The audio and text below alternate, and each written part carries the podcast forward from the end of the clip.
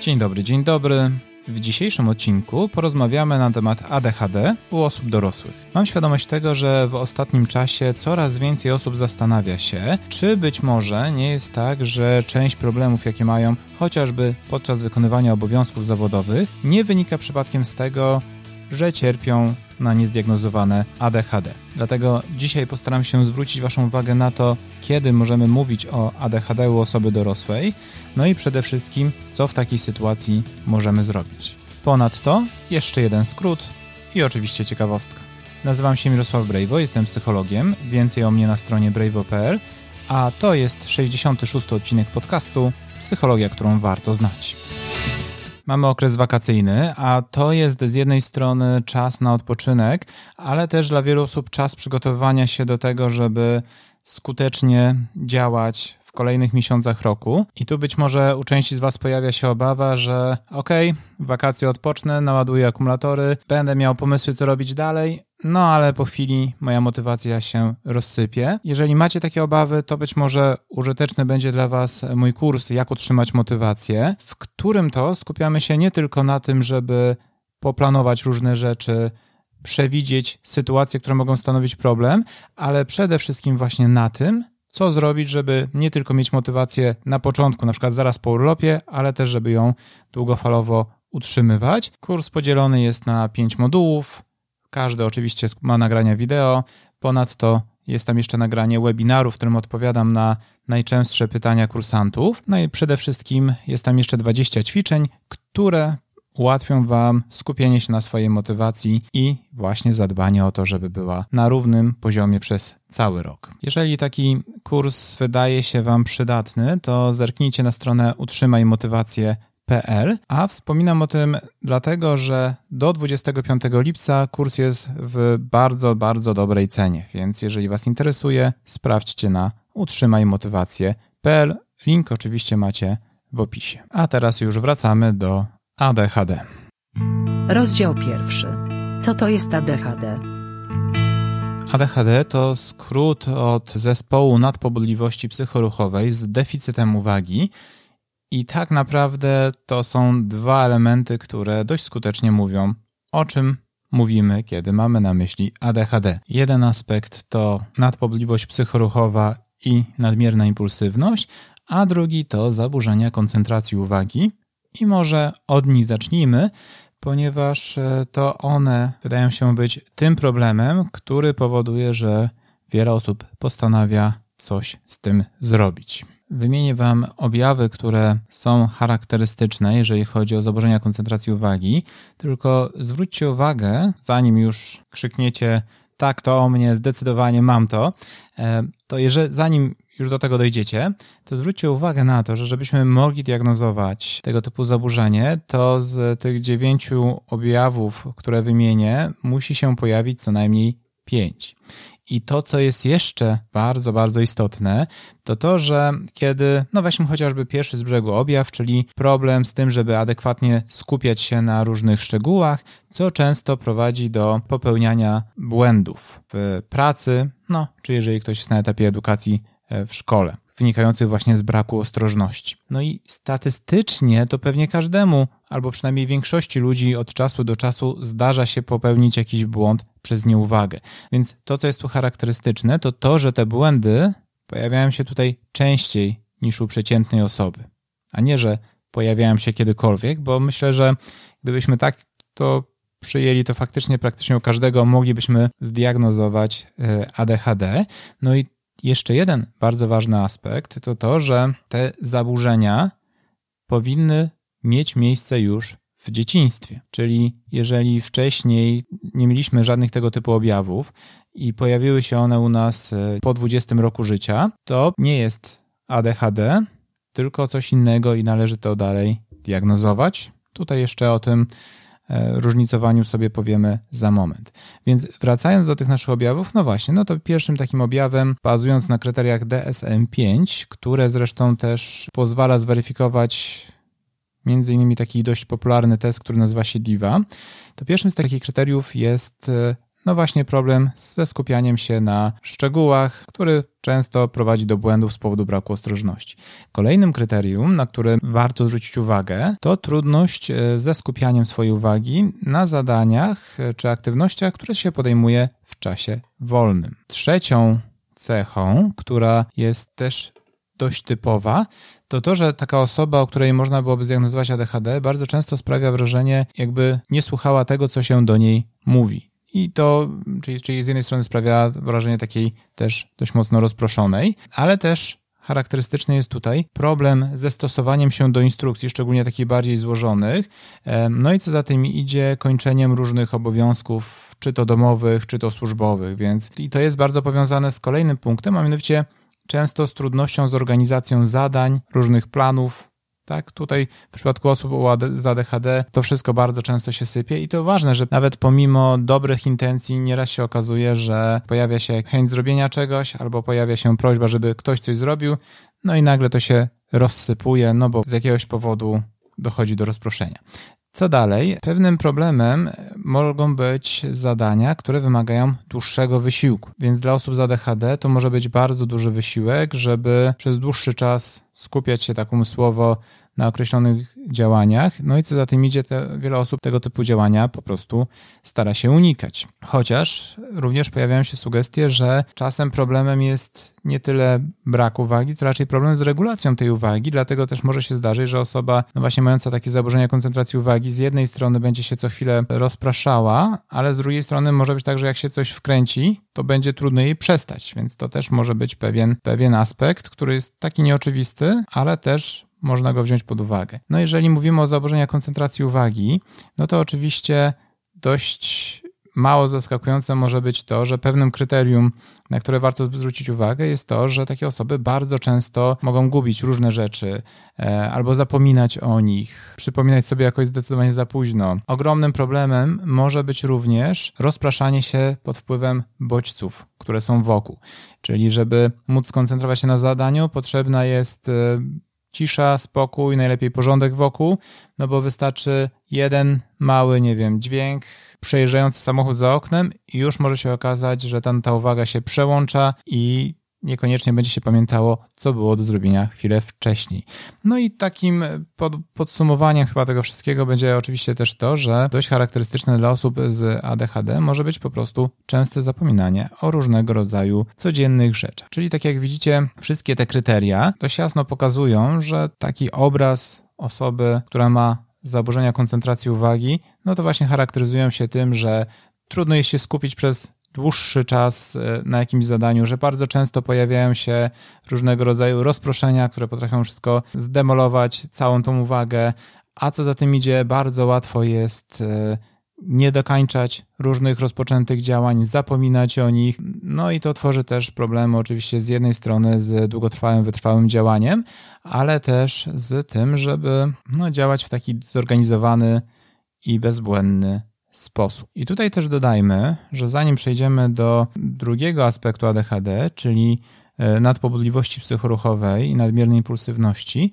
to może być tak, że część osób spełnia kryteria właśnie zaburzeń koncentracji uwagi, ale już tych nadpobudliwości psychoruchowej nie i wtedy będziemy mówić o tak zwanym ADD, czyli po prostu zaburzeniu koncentracji uwagi. Odnośnie aspektu nadpobudliwości psychoruchowej, to wydaje się dość łatwe do zaobserwowania, ponieważ to są takie osoby, które cierpią na ADHD, które po prostu mają problem z tym, żeby usiedzieć w miejscu, czyli mają potrzebę często niespokojnego poruszania się po pomieszczeniach. Trudno jest im dosłownie usiedzieć w miejscu, ale też jakby ta ruchliwość to jedno, ale drugi aspekt często jest powiązany z tym, że działa się w sposób impulsywny, czyli reaguje się bardzo nagle, często zbyt emocjonalnie co może też prowadzić oczywiście do zbyt emocjonalnych i zbyt impulsywnych decyzji, albo na przykład tego, że się dużo mówi, albo przeszkadza się w wypowiedziach innych osób, na przykład dokończając ich wypowiedzi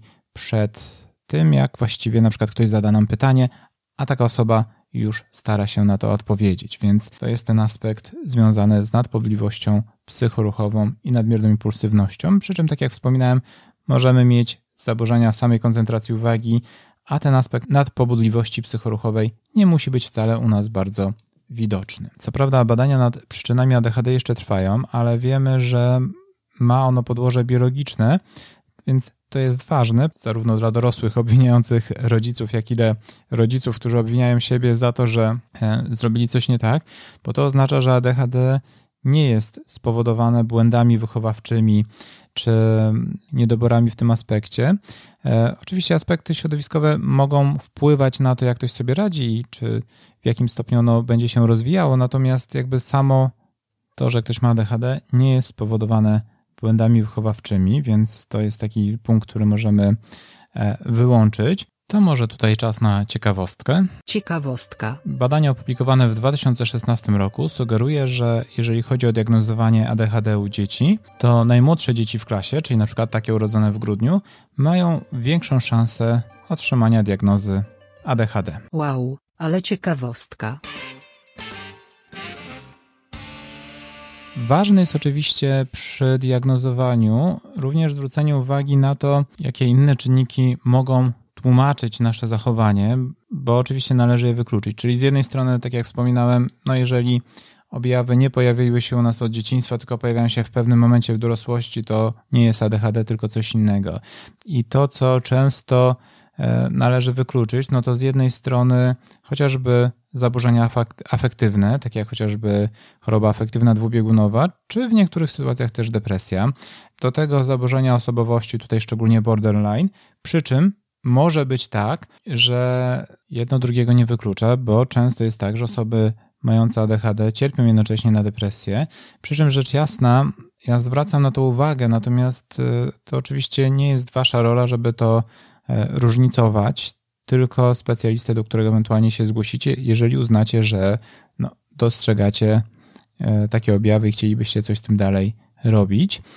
Rzecz jasna, nie zaszkodzi też uwzględnić takich bardzo częstych obecnie e, problemów, które szczególnie na naszą uwagę mogą wpływać, czyli z jednej strony poziom zmęczenia, braku snu, także rozproszania przez chociażby media społecznościowe i w ogóle szeroko rozumiane korzystanie e, z urządzeń cyfrowych, które mogą oczywiście powodować problemy z koncentracją i to nie będzie ADHD.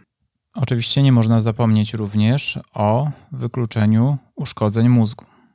To mniej więcej widzimy, z czym mamy do czynienia, e, czym się charakteryzuje ADHD, no i pytanie, co dalej. Rozdział drugi. Co zrobić z ADHD? Ok, mamy podejrzenie, że cierpimy na ADHD, jesteśmy osobą dorosłą i co dalej?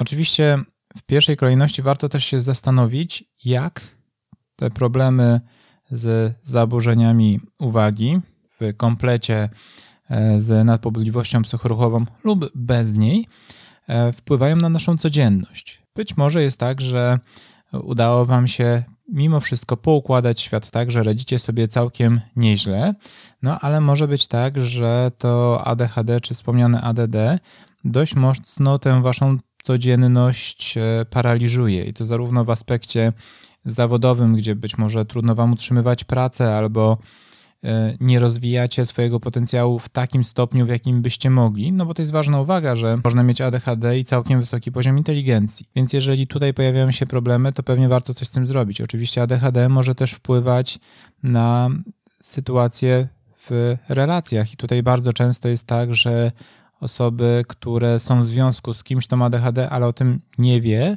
to często zarzucają takiej osobie, że nie wiem, nie angażuje się wystarczająco w sprawy domowe albo zapomina o wielu rzeczach, co oczywiście może prowadzić do konfliktów. No i tutaj często sama świadomość takiej diagnozy może być pomocna. No ale właśnie co z diagnozą? Są dwie ścieżki i w gruncie rzeczy kluczowe pytanie brzmi chyba, która jest łatwiejsza dla Was do zrealizowania, w sensie bardziej dostępna bo można zacząć od wizyty u psychiatry, który przeprowadzi diagnostykę i podejmie dalszy plan leczenia. Natomiast bardzo często łatwiej jest zacząć od wizyty u psychologa, który przeprowadzi wspomnianą diagnostykę i dopiero z chociażby z opinią e, z przeprowadzonego wywiadu i chociażby wspomnianego testu DIVA udać się do psychiatry po to, żeby ten na przykład zaproponował leki, no bo też jeżeli chodzi o e, leczenie, no to właśnie farmakoterapia, czyli leki są tutaj taką bazą do tego, żeby e, sobie z tym ADHD radzić. Jeżeli chodzi o psychoterapię czy pracę z psychologiem, to tutaj przede wszystkim skupia się na tym, żeby z jednej strony zrozumieć, czym się charakteryzuje to ADHD i wypracować sobie różne sposoby e, radzenia sobie z nim i funkcjonowania pomimo tych zaburzeń, z którymi się e, mierzymy. Czasem to jest oczywiście e, wykorzystywanie tego, co wielu z Was, jeżeli macie ADHD, prawdopodobnie sobie w jakiś sposób przez lata wypracowało. No bo tak jak mówimy o tych zaburzeniach koncentracji uwagi, no to jeżeli mamy problem z planowaniem, no to bardzo często taką bazą jest chociażby to, żeby zapisywać wszystko, co się da. Jeżeli mam, tak samo jeżeli mamy problem na przykład z zapominaniem różnych rzeczy, więc to jest oczywiście taka podstawowa rzecz, informacja, ale czasem taka praca skupia się właśnie na takim aspekcie e, edukacyjnym i wypracowywania różnego rodzaju narzędzi, mechanizmów zaradczych do tego, żeby pomimo problemu z tą koncentracją dobrze sobie radzić. W ramach tworzenia narzędzi do tego, żeby e, sobie lepiej radzić z ADHD, Oczywiście ważnym aspektem może być danie sobie przestrzeni do tego, żeby ta nadpobudliwość miała gdzieś ujście, jak chociażby w postaci aktywności fizycznej, czego również e, nie należy zaniedbywać, bo ma ona tutaj bardzo duże znaczenie. Oczywiście można stosować też różnego rodzaju treningi, które jednakowoż e, nie usuną ADHD, nie spowodują, że e, nagle ten nasz poziom koncentracji będzie perfekcyjny, ale w pewnym stopniu mogą być użyteczne. No i to, co jest często bardzo ważnym aspektem, to też praca nad e, przekonaniami na własny temat, e, budowaniem poczucia własnej wartości. No bo jednak osoby, które mają ADHD i nie wiedzą o tym, czy nie wiedziały wcześniej, nieraz może być tak, że spotykają się z różnego rodzaju negatywnymi opiniami, typu, że a ty jesteś leniwy, ciągle zapominasz o różnych rzeczach, nie umiesz nic skończyć, nie nadajesz się do żadnej roboty bardziej skomplikowanej. No i to oczywiście może mieć ogromny wpływ na poczucie własnej skuteczności i często praca nad tym okazuje się być nie mniej ważna niż no właśnie na tym, żeby poprawić swój poziom koncentracji. Podsumowanie. Zespół nadpobudliwości psychoruchowej z deficytami uwagi lub same zaburzenie deficytu uwagi może występować także u osób dorosłych i często zdiagnozowanie tego zaburzenia pozwala zrozumieć lepiej swoje funkcjonowanie i też przede wszystkim podjąć działania, które pozwalają no, rozwiązać wiele problemów, z którymi takie osoby się często mierzyły, w tym innymi opinie otoczenia o tym, że są leniwe, niedbałe, a to nie jest kwestia cech osobowości, tylko zaburzenia.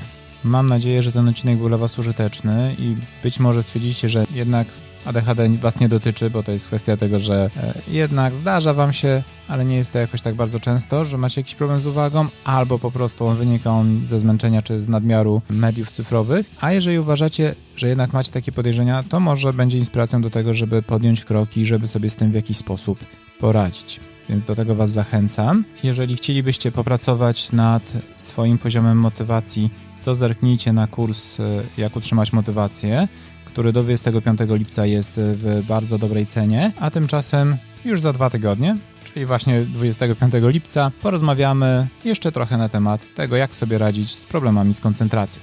Do usłyszenia.